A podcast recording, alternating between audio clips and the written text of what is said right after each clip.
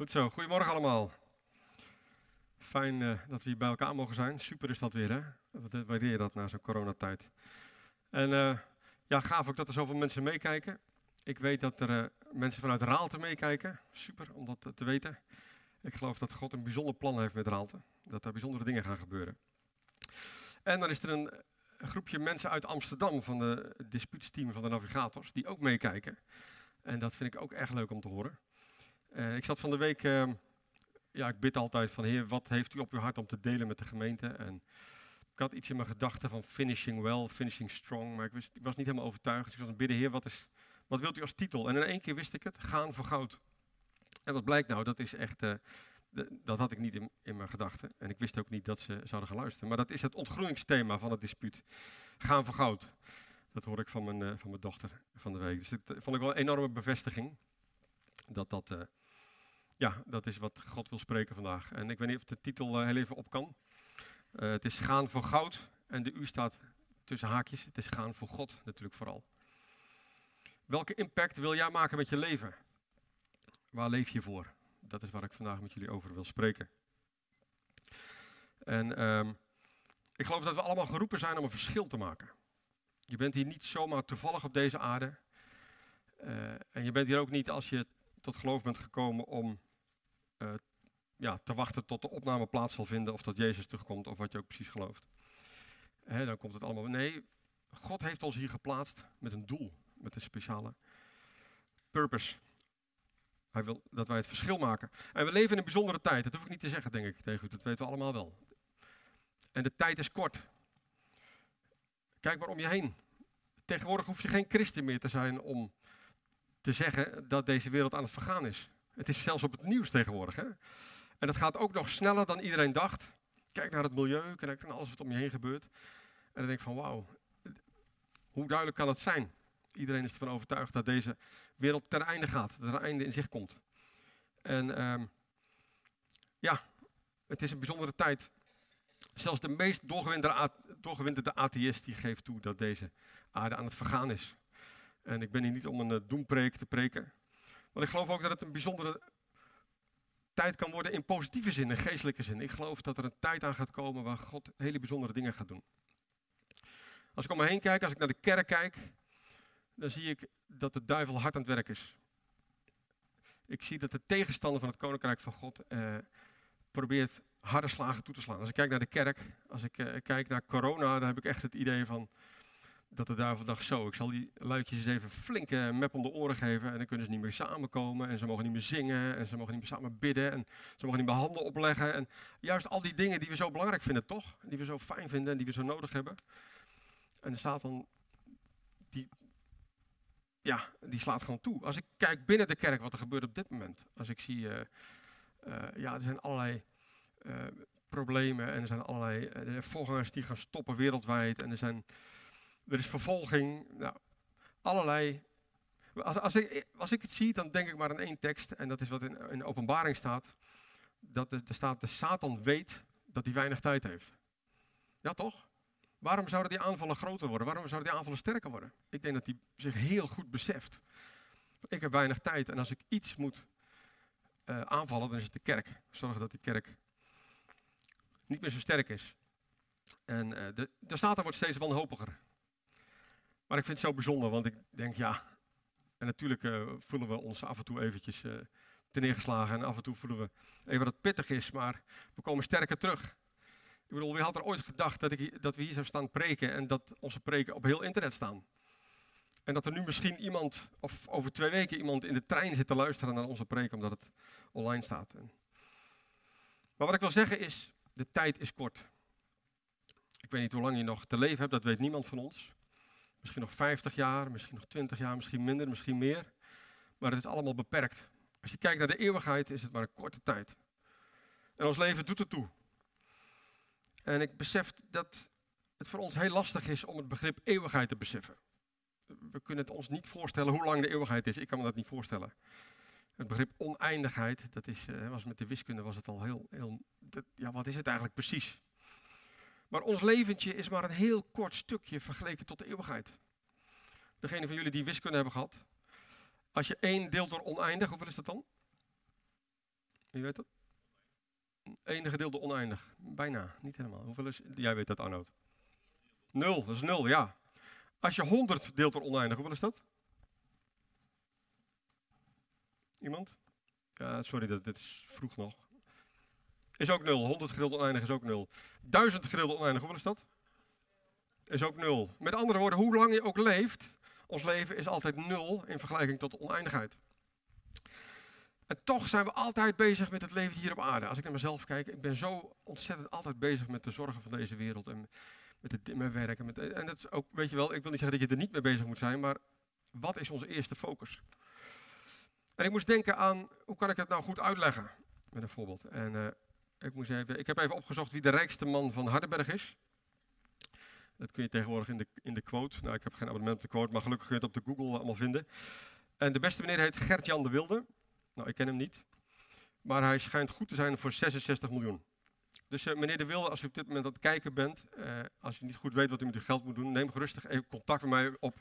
Ik weet nog wel een goed doel, maar dat terzijde. In ieder geval, stel je voor, um, ik ken de man niet en uh, ik hoop ook dat hij nog heel lang leeft, maar stel dat op een gegeven moment hij komt overlijden. En je krijgt een brief, u dient te verschijnen voor de notaris. Ja? Dus nou, daar ga je natuurlijk heen notaris stelt, nou meneer De Wilde is overleden, die eh, laat 66 eh, miljoen na. Maar er staat wel een voorwaarde bij. De komende week moet je echt perfect leven. Moet je echt heel erg je best doen om heel erg goed te leven. Je moet allemaal regeltjes erbij. Je moet, zonder dat je moeder het vraagt, je kamer opruimen. Dat is wel aardig. Je moet de hond uitlaten. Je moet vriendelijk zijn voor je buurvrouw. Je moet nou, een heel rijtje van dingen. Maar één week lang, ja? Moet je ontzettend goed je best doen. Maar daarna heb je de volledige beschikking over die 66 miljoen. Wie zou er die week ontzettend hard zijn best doen? Ja, ik wel, ja. Nou, de mensen die niet de hand opsteken, die liegen. Zij je vergeven, ik begrijp het. Ja, toch, maar als het maar één weekje is. Jongens, waar hebben we het over? Oké, dan is het even pittig, is het even zwaar. Moet ik misschien wat eerder mijn bed uit, moet ik even wat offers brengen. Maar 66 miljoen, wow. Daar kun je heel vaak van naar de McDonald's. Bijvoorbeeld. Ons leven is zo voorbij. En we hebben het over een eeuwigheid. En het, het, de eeuwigheid is een serieuze zaak. Een serieuze zaak. Ik denk, als wij zouden beseffen wat het betekent dat er zoveel mensen verloren gaan. Dat er zoveel mensen naar de hel gaan. We hebben geen besef. Ik denk, als wij even iets meer besef zouden hebben van wat de hel inhoudt. Hoe ongelooflijk afschuwelijk dat is. Ik denk als wij tien seconden een blik zouden kunnen werpen in de hel. Alleen al de geur en de duisternis en de blik in de ogen van mensen die verloren gaan zonder Jezus. De eenzaamheid. Ik denk dat ons, ons leven radicaal zou veranderen. We zouden. Het zou ons leven op de kop zetten. En eh, ik, ben, ik wil helemaal niet geen helprediker zijn. Maar, en dit is ook niet tegen ongelovigen, maar het is tot gelovigen gericht. Beseffen we ons waar het om gaat? Beseffen we ons, what is at stake, zeggen de Engelsen, hoe zeg je dat in het Nederlands? Beseffen we ons wat, waar het echt, wat, wat het toe doet, die eeuwigheid. Wij hebben een enorme verantwoordelijkheid gekregen van God. Wat wij doen, elke dag, heeft een impact op de eeuwigheid. Elke dag. En wij zijn zo goed in allerlei theoretische vragen. Hè? Dat vinden we zo interessant. Oh, uh, kringleider, ik heb nu uh, echt een hele interessante vraag. Stel nou dat iemand heel ver weg woont en hij gaat dood of Jezus komt terug en heeft het evangelie nog nooit gehoord. En nou, en dan praten we er een uur over. Maar besef je wel dat God ons verantwoordelijk houdt? Ik, ik zeg dit niet om jullie schuldgevoel aan te praten. Maar God houdt ons verantwoordelijk voor wat er gebeurt met andere mensen. God heeft ervoor gekozen om ons te gebruiken. Hij kiest ervoor in handelingen, als ik kijk in handelingen.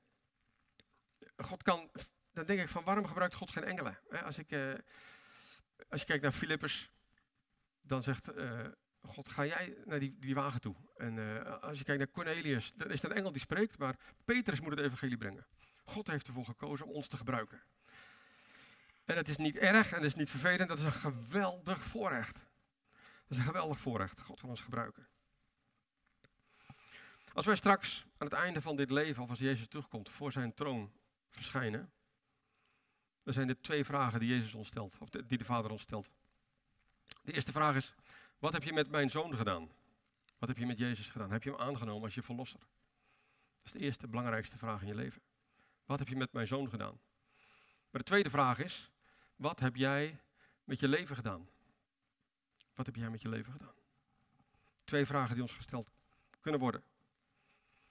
Jouw leven kan een verschil maken voor iemand anders in de eeuwigheid. En um, ja, dan denk je, ja, hoe werkt dat dan? Want uh, ja, ik ben geen evangelist en uh, ik weet niet of God me geroepen heeft, enzovoort, enzovoort.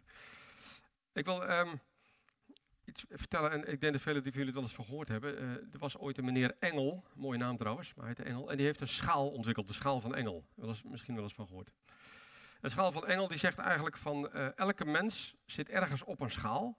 En de schaal gaat van min 8, van iemand die totaal ontkent dat er überhaupt iets bovennatuurlijks is een, een materialist noem je dat, even een atheïst.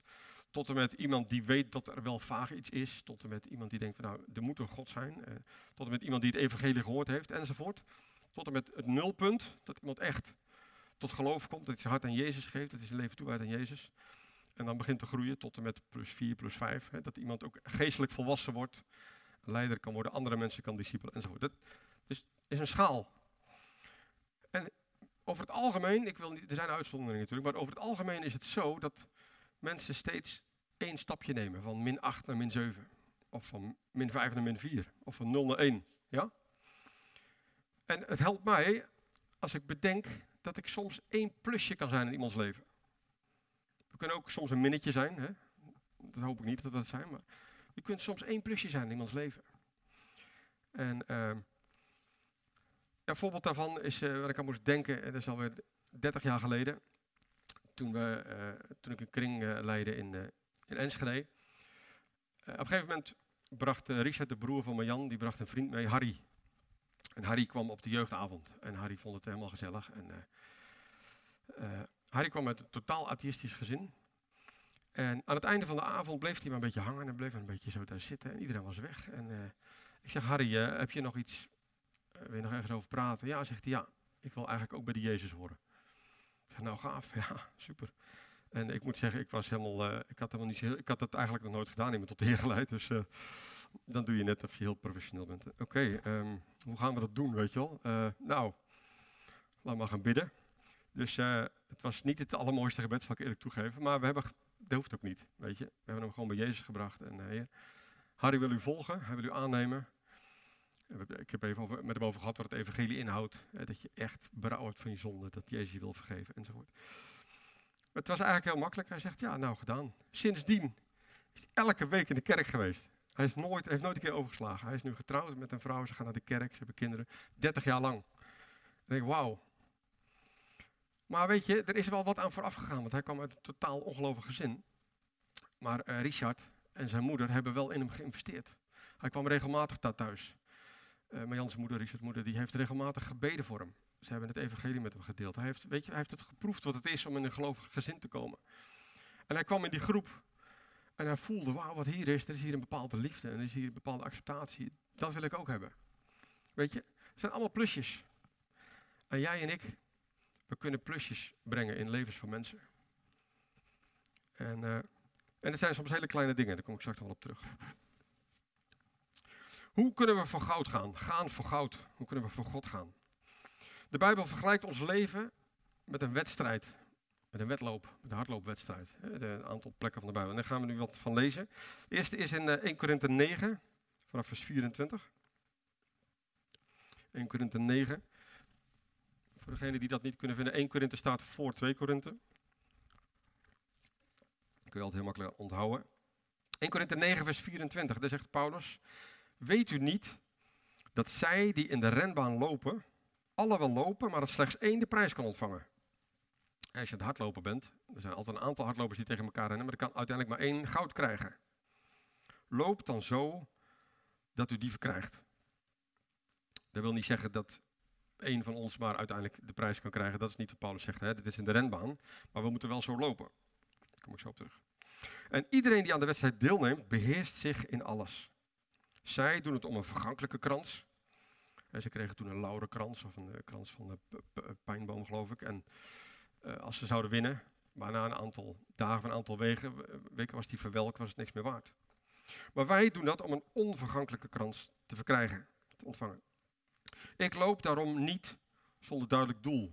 Ik loop niet zonder duidelijk doel. Ik vecht zo met de vuist dat ik niet meer wat in de lucht sla, maar ik oefen mijn lichaam op harde wijze en maak het dienstbaar. Opdat ik niet misschien naar anderen gepredikt te hebben, zelf verwerpelijk word. Dus Paulus wilde echt zo lopen dat hij voor de prijs zou gaan. Dat hij een duidelijk doel voor ogen had en dat hij zelf niet, in de andere vertaling staat, gedisqualificeerd zou worden. Een andere tekst, ook heel bekend, Hebreeën 12, vanaf vers 1. Hebreeën 12, vers 1. En er staat wel nu dan, laten ook wij, nu weer zo'n grote menigte van getuigen omringd worden. Hè, dat zijn al die geloofsgetuigen, al die mensen uit Abraham en uh, Mozes en David en Noach, al die grote geloofsmannen en vrouwen, die als het ware eh, onze supporters zijn van jongens, kom op, kijk, ik heb het volgehouden, jij kunt het ook. Nu we door zo'n menigte van getuigen omringd worden, laten we afleggen alle last en de zonde die ons zo gemakkelijk verstrikt. En laten we met volharding de wedloop lopen die voor ons ligt. Terwijl, het oog, terwijl we het oog erbij gericht houden op Jezus. Hij is uiteindelijk het doel, Jezus. De leidsman en de verleiner van het geloof. Zonder hem wordt het niet wat. Hij is het begin en het einde.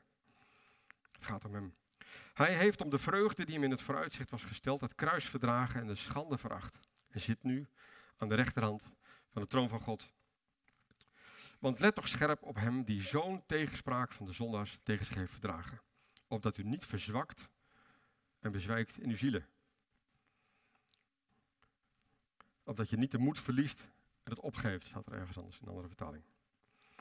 Hoe gaan wij voor goud? Nou, ik heb vanmorgen drie punten. Het eerste is, we moeten een duidelijk doel hebben. Dus het eerste is het doel. Het tweede is doorzettingsvermogen, volharding. En het derde is dagelijkse toewijding. Dus eigenlijk als we eeuwigheidsperspectief hebben, moeten we onze 3D-bril opzetten. We moeten drie D's hebben, drie, uh, drie D's. De eerste D is doel, de tweede is doorzettingsvermogen en de derde is dagelijkse toewijding. Doel, het is heel belangrijk als jij meedoet aan een marathon of aan een sprint eh, en je wil goud halen, dan is het heel belangrijk dat je een doel voor ogen hebt. Als je maar gewoon wat mee gaat lopen voor de fun, dan is de kans heel klein dat je goud ook gaat halen. En uh, ja, het is belangrijk dat we dat beseffen. En sommigen van jullie zullen misschien zeggen van ja, maar uh, ik weet niet of God mij wel geroepen heeft om evangelist te zijn. Of ik weet niet of God mij wel geroepen heeft om anderen tot de Heer te leiden. Want ik ben maar een heel gewoon persoon. Ik heb geen hoge opleiding. Ik heb geen goede baan. Ik kan niet zo goed spreken. Ik, bla bla bla. Heel veel excuses. Maar we hebben allemaal een roeping gekregen. Uh, Louis Palau, ik weet niet of jullie kennen de mensen die uit uh, Latijns-Amerika komen of Zuid-Amerika, die kennen hem. Dat is de Billy Graham van Zuid-Amerika. Louis Palau die had een enorm verlangen om God te dienen. Maar hij zei tegen zijn moeder van, mama, maar ik heb geen roeping. Ik heb geen roeping van God. Hoe kan ik nou God dienen als ik geen roeping heb? En toen zei zijn moeder heel wijs, zoon, je hebt geen roeping nodig. Want Jezus heeft 2000 jaar geleden jou die roeping al gegeven. De grote opdracht. We hebben allemaal een roeping gekregen. Als je daar meer over wil weten, zou ik zeggen, luister de preek van vorige week. Erg goed was die. Roeping. We hebben allemaal een roeping. Maar het is belangrijk dat we het doel voor ogen houden. Paulus zegt, ik loop daarom niet zonder duidelijk doel. Ik, ik loop niet als iemand die geen doel heeft. Het is belangrijk dat als je deelneemt aan, aan een reis, wat ik net al zei, dat je rent als winnaar. Dat je weet, wat, wat wil ik behalen? Wil ik gaan voor goud of voor zilver of voor brons? Of wil ik gewoon meelopen met de recreanten? Kan ook, hè? Gewoon, gewoon voor de fun. Maar waar wil je voor gaan? Stel je doel. Weet waar je voor wil gaan. Ik vond het zo bijzonder, ik ben niet iemand die sport heel erg volgt, maar uh, uh, dat filmpje van uh, Sifan Hassan op de 1500 meter, we hebben het allemaal gezien, hè, dat ze op een gegeven moment viel. De persoon, ze, was hard aan het rennen en ze begint altijd een beetje achteraan. Help, waarschijnlijk is het een bepaalde strategie, weet ik niet precies. Maar de, de vrouw voor haar, die viel. En zij viel daardoor ook. Ze struikelde en ze viel op de grond. Oh nee, zeg Olympische Spelen, zo lang voor getraind en dan val je.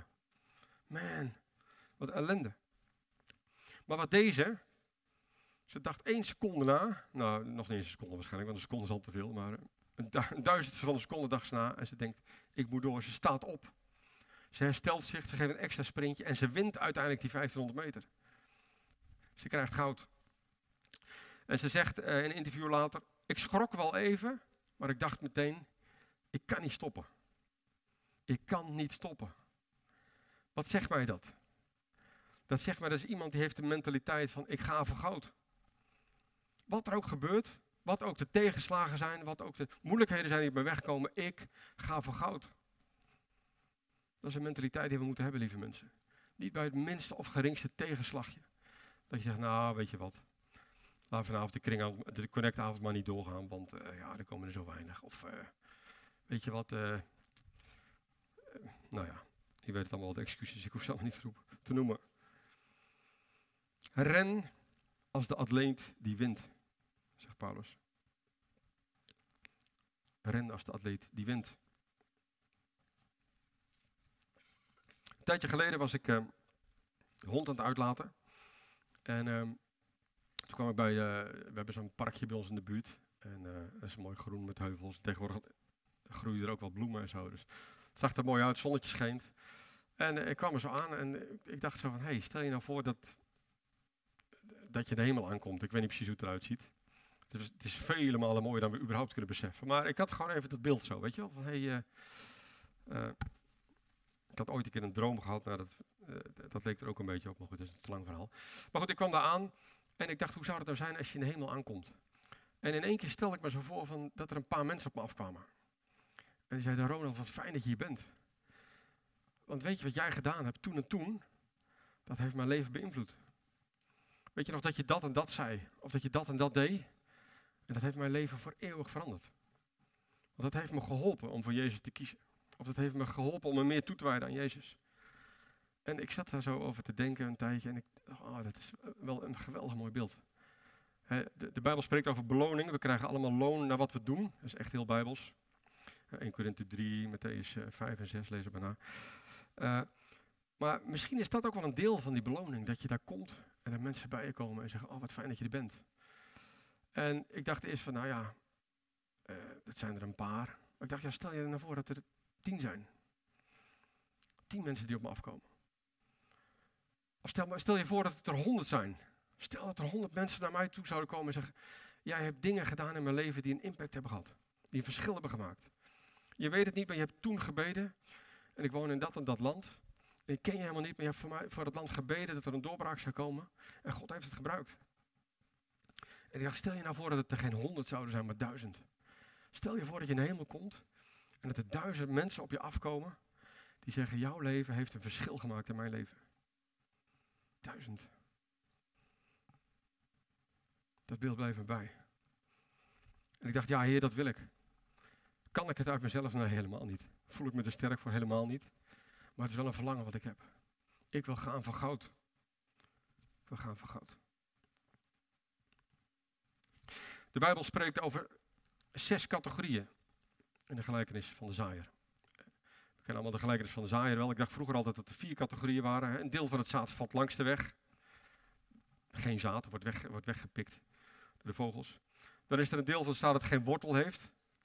Uh, want uh, op het moment dat er verdrukking komt en vervolging, dan is het weg.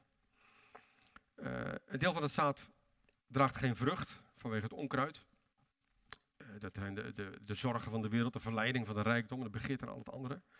En dan is er een deel wat in vruchtbare grond valt. En dat, maar dat deel is weer opgesplitst in drie delen. Dat, dat draagt 30, 60 of 100voudig vrucht. Dus eigenlijk zijn er zes categorieën. En de vraag is, en het is goed om daar van de week gewoon eens even tijd over te nemen, van, of misschien op dit moment, in welke categorie zit je nu eigenlijk? Wees eens gewoon heel eerlijk. Geloof je het wel, maar is er geen vrucht in je leven omdat er gewoon allerlei andere dingen zijn? De zorgen van de wereld, de misleiding van de rijkdom, allerlei begeerten. Wat is er in jouw leven wat ervoor zorgt dat er geen vrucht komt? Of is er eigenlijk geen wortel? Op het moment dat er ook maar iets tegenslag is of iets verdrukking, dan geef je het op. Waar zit jij? Waar wil je zitten? Wat wil jij met je leven bereiken? Wil je 30-voudig vrucht, 60-voudig of 100-voudig? Ik heb mijn keuze gemaakt.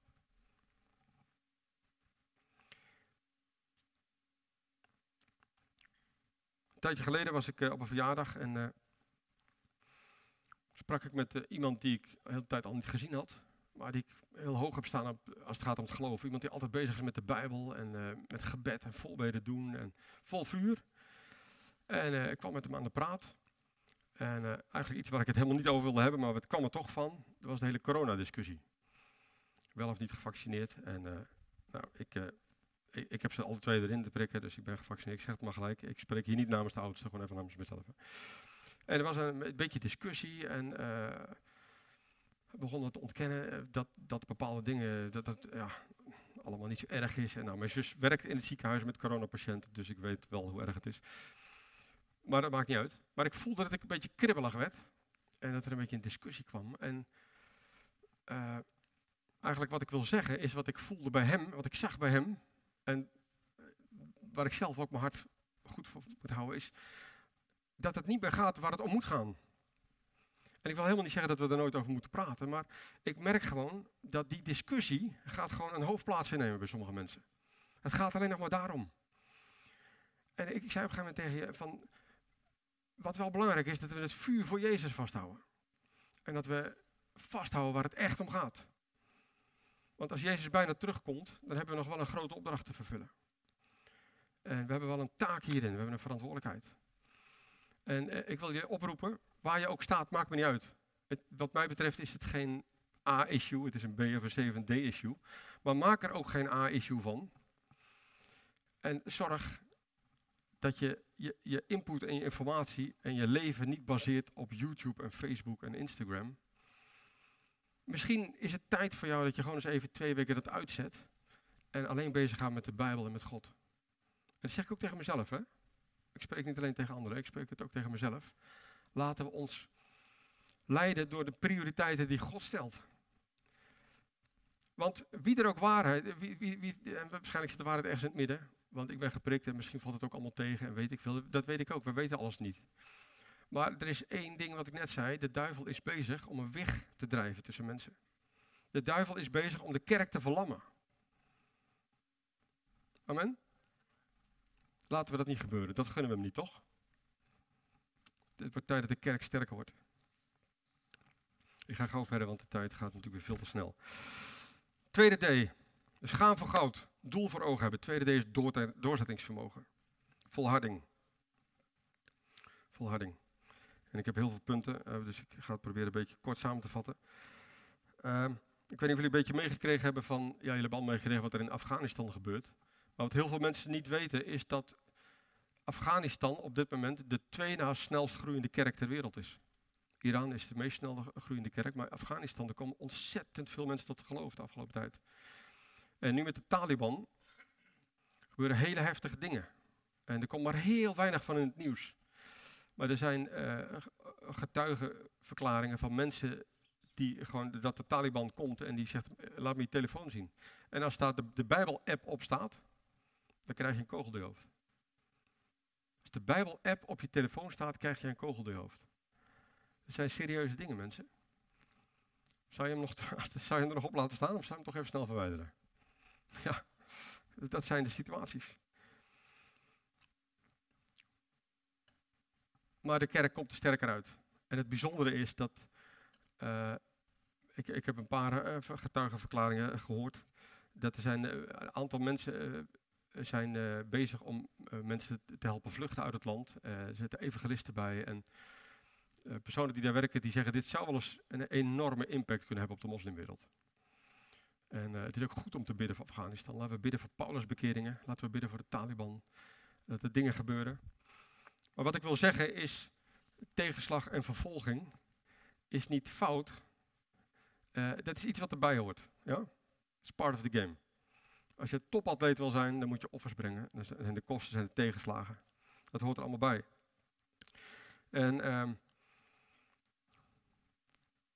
we kunnen zoveel, zoveel dingen aanraken. Wat ik laatst net ook zo hoor van ja, ik ga maar niet meer naar de kerk, want er zijn altijd zoveel problemen in alle kerken en allemaal zo gedoe. ja, welkom in de club. Ik kijk naar, kijk naar het Nieuwe Testament. Kijk naar openbaringen. Van de zeven gemeentes hadden vijf gemeentes echt grote of serieuze problemen. Serieuze zonden. Laodicea was lauw. Jezus zegt, ik spuug je uit. Zorg dat je weer heet bent of koud. Efeze, wat was er met Efeze aan de hand? Wie weet het? Iemand? Eerste liefde, ja precies. Eerste liefde kwijtgeraakt. Efeze, wauw, een basisgemeente. Die hadden de, de, meest geweldige leiders daar voor tijden gehad. Paulus had er een tijd gezeten, Timotheus had er een tijd gezeten, Johannes heeft er een tijd gezeten. Uh, er werden vanuit Efeze werden nieuwe gemeentes gesticht, hoogstwaarschijnlijk, want er staat dat de hele regio bereikt werd. Lees de Efezebrief, het was echt een voorbeeldgemeente. En wat zegt Johannes? Je zijn je eerste liefde kwijtgeraakt. Dat is een probleem. Dat is echt een heel groot probleem. Hij zegt, als je het niet bekeert, dan neem ik deze kandelaar weg. Dan gaat deze gemeente verdwijnen. Wow, eerste liefde. Dat zijn serieuze dingen. Maar goed, daar wil ik het eigenlijk helemaal niet over hebben. Wat ik eigenlijk wil zeggen is, problemen in de kerk, die zijn er altijd al geweest.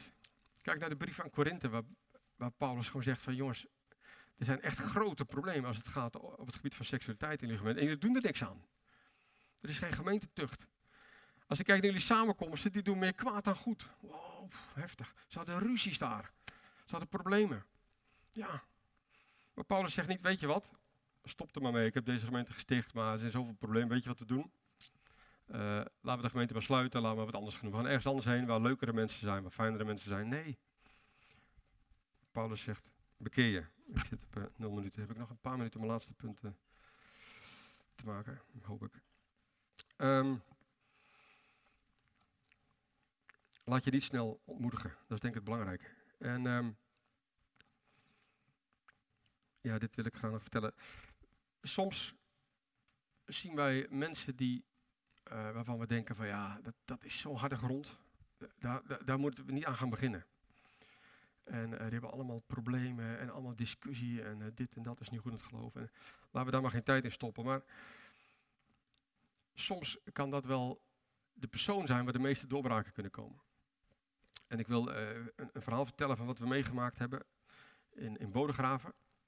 De meisje heette Charis. En Marjan en ik stonden op het punt om te, te overwegen van ja, zullen we de jeugdgroep gaan leiden, ja of nee? We waren erover aan het bidden en over aan het denken. En we kwamen haar tegen en we vertelden dat zo. Ze zegt, ja leuk, maar je kunt mij er beter niet bij hebben. We zeiden, hoezo niet? Nou, ze zegt, ja, ik heb echt heel veel problemen met het geloof. En ik heb echt veel moeite, dingen die ik niet begrijp. Van uh, waarom gaan mensen naar de hel en uh, dit en dat en allemaal problemen. En ja, ik ben het eigenlijk ook niet mee eens. En, uh, dus wij zeiden, nou, dan moet je juist komen. Want dat is nou juist de plek waar je met je vragen terecht kunt. En waar je je problemen kunt. En daar kunnen we over praten. En, weet je, want ik geloof dat de Bijbel zeker antwoorden heeft. Dus ze ging erover nadenken. En op een gegeven moment zei ze van nou, ik ga alleen komen als jullie de jeugd gaan leiden. Nou, dat was natuurlijk een beetje manipulatie. Maar voor ons was dat eigenlijk wel ook een bevestiging. Ja, we moeten het gewoon gaan doen. En ze kwam elke jeugdavond. En elke keer had ze weer een andere vraag. En dat waren echt best wel pittige vragen, hè, want haar moeder was overleden. En uh, als ik het me goed herinner. En ja, waar is die nou terechtgekomen? Want ze geloofde niet. En nou, we hebben het gewoon rustig vanuit de Bijbel verteld. En geen makkelijke antwoord altijd. En op een gegeven moment kwamen ze met de vraag van, ja, die ark van Noach, dat kan toch nooit, een sprookje. Want al die beesten hebben er nooit in Ja, wist ik ook niet, moest ik gaan uitzoeken. Maar best wel heel veel op internet te vinden. En dat blijkt allemaal gewoon te passen. Hè. Aantal dieren wat er toen was, dat blijkt allemaal prima te kunnen. Dus het was voor mezelf ook weer een leerschool. Maar heel serieus steeds weer antwoorden proberen te geven en haar te helpen. En op een gegeven moment, uh, maanden later, ik denk uh, ruim een half jaar later, uh, zou ik preken. En ik, uh, ik, ik, wilde spreken over de doop en Heilige Geest, heb ik ook gedaan. En ik was van tevoren aan het bidden voor het feit dat ik zou spreken. En dit heb ik niet heel vaak, kan me eigenlijk maar één moment herinneren, maar dat had ik toen heel duidelijk dat ik zag, in, terwijl ik aan het bidden was, dat ik een beeld zag dat ik een oproep deed. Voor mensen dat ze tot geloof zouden komen. En dat ik zei, uh, uh, ik zag één meisje naar voren lopen. Of één persoon. En uh, even later zag ik in dat beeld dat ik aan het bidden was voor Cherise, dat ze Jezus zou aannemen. Dus nou, ik was niet echt gebruikelijk om, om dat te doen, oproep naar voren. Ik weet ook niet of het altijd wijs is, maar misschien komt die tijd weer.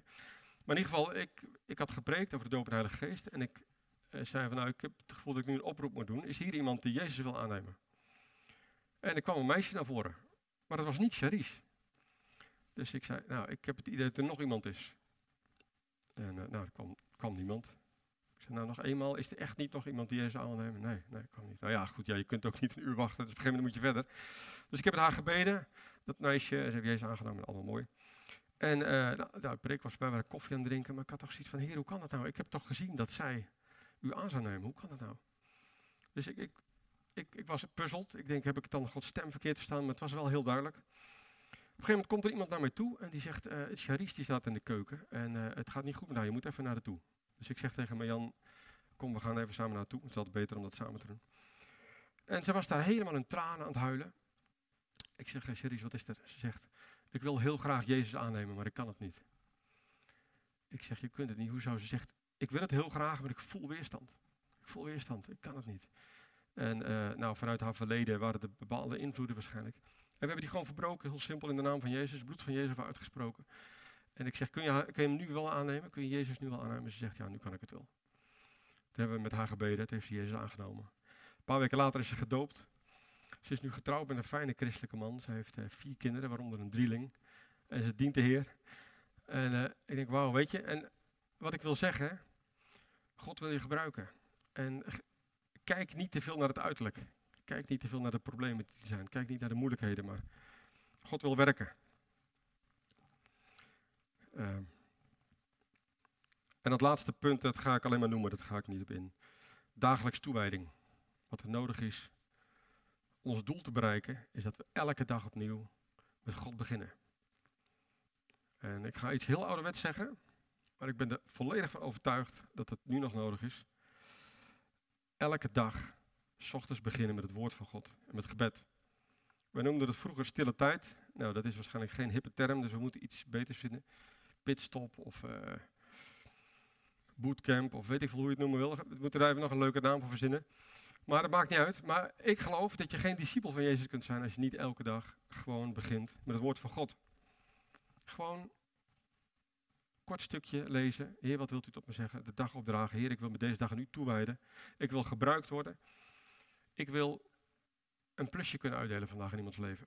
Of misschien wel twee plusjes. Ik ben beschikbaar, Heer. Hier ben ik. Ga uw gang. Ga uw gang. Gewoon dat. En uh, ik heb nog heel veel te zeggen, maar ik ga echt uh, afsluiten, want ik wil me onderwerpen aan de oudste. Um, van harte. Ik wil graag uh, vragen aan het muziekteam of jullie naar voren wil komen. Ik wil afsluiten met een stukje uit de film waar ik aan moest denken. Ik denk dat de meeste van jullie de film Schindler's List wel gezien hebben. Schindler's List. Schindler was die man die in de Tweede Wereldoorlog fabrikant en die uh, duizenden Joden gered heeft. Ken je dat verhaal? Hè? En hij, deed, uh, hij zette ze aan het werk om te zorgen dat ze niet naar concentratiekampen zouden hoeven en vermoord zouden worden. En helemaal aan het einde van de film, dan staan daar al die Joden en dan uh, moet hij weggaan, want hij is bang dat als de Amerikanen komen, dat, ja, dat zijn leven gaat kosten. En dan hebben de, de Joodse medewerkers hebben een ring voor hem gemaakt, een gouden ring, en die doen ze om zijn vinger. En op in, in de inscriptie in de ring is een inscriptie uit de Talmud, een tekst uit de Talmud, er staat, wie ooit één leven redt, redt de hele wereld. Maar dan zegt Oscar Schindler op een gegeven moment, ik had er meer kunnen krijgen. Ik had er meer kunnen redden. Ik weet het niet. Ik had er meer kunnen krijgen. En dan zegt zijn boekhouder, maar je hebt 1100 mensen gered. Die mensen leven dankzij jou. Kijk naar hen. En Oscar zegt, als ik meer geld had verdiend. Ik heb zoveel geld weggegooid. Dan schieten de tranen in zijn ogen. Je hebt geen idee. Als ik gewoon, en dan zegt zijn boekhouder weer, maar door jou zullen de generaties zijn. Door jou zijn de mensen overleefd die nieuwe generaties zullen opwekken. Je hebt zoveel gedaan. En dan zegt Oscar Schindler, maar ik heb niet genoeg gedaan. Deze auto. Goethe had deze auto gekocht. Waarom heb ik deze auto gehouden? Dat zijn tien mensen daar. Deze auto, tien mensen. Tien meer mensen. Deze pin, en hij wijst naar de gouden pin die hij heeft. Deze gouden pin, dat is goud. Dat zijn twee mensen, twee personen. Hij zou me er nog twee hebben gegeven. Minstens één. Nog één persoon. Nog één persoon. En hij begint heel hard te huilen. Ik had nog één persoon kunnen krijgen. En ik heb het niet gedaan. Ik deed het niet. Eén persoon.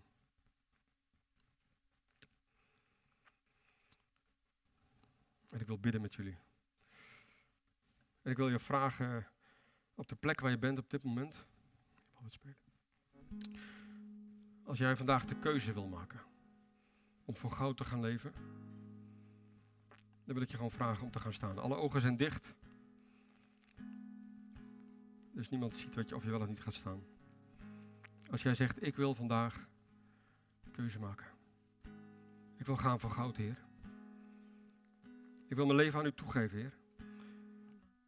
Heer, ik ben beperkt, mijn gaven zijn beperkt, mijn talenten zijn beperkt. Ik ben geen evangelist. Of ik ben geen leraar, of ik ben geen, noem het maar in, vul het maar in. Ik heb geen hoge opleiding, ik heb geen goede baan. Ik ben heel eenvoudig, maar ik ben beschikbaar, Heer. En u kunt bijzondere dingen doen, de mensen die beschikbaar zijn. U hebt een stelletje eenvoudige vissers uit Galilea in de kraag gegrepen. En hebben ze de wereld laten veranderen, Heer. Vader, vandaag wil ik mijn leven toewijden aan u. Opnieuw of voor het eerst. En ik wil zeggen, Heer, hier ben ik. Ga uw gang, Heer. Gebruik mij. Heer, ik wil beschikbaar zijn. Vul me met uw geest, Heer, opnieuw. Raak me aan op dit moment. Heer, ik wil gaan voor goud, Heer. Heer, ik wil gaan voor 30, voor 60 of voor honderdvoudige vrucht. Vader, ik wil dat als ik straks voor uw troon verschijn, dat u kunt zeggen, goed gedaan, gij trouwe slaaf. Heer, ik wil, als ik voor uw troon verschijn, dat ik met alle vallen en opstaan, met gebreken, kan zeggen, Heer, ik heb voor u gekozen. Ik heb u gediend. Heer, ik wil het verschil maken in één persoon nog meer. Heer, één ziel nog meer, Heer. Eén persoon. Heer, die buurvrouw die altijd zo lastig is. Die altijd geluid maakt en herrie maakt. Of die man die verderop altijd met die irritant met die hond. Of die collega die altijd mooie praatjes heeft, maar nooit wat doet. Of die leerling die altijd over mij zit te roddelen. Of die vriend die ik toch niet echt kon vertrouwen. Heer, één ziel nog, één ziel. Gebruik mij, Heer. Ik ben beschikbaar. Ga uw gang, Heer. Eer en glorie van uw naam, Heer. Want hierin wordt uw naam verheerlijkt, dat wij veel vrucht dragen. Heer, we doen het niet voor ons, maar we doen het voor u. Voor uw glorie. In Jezus' naam. Amen.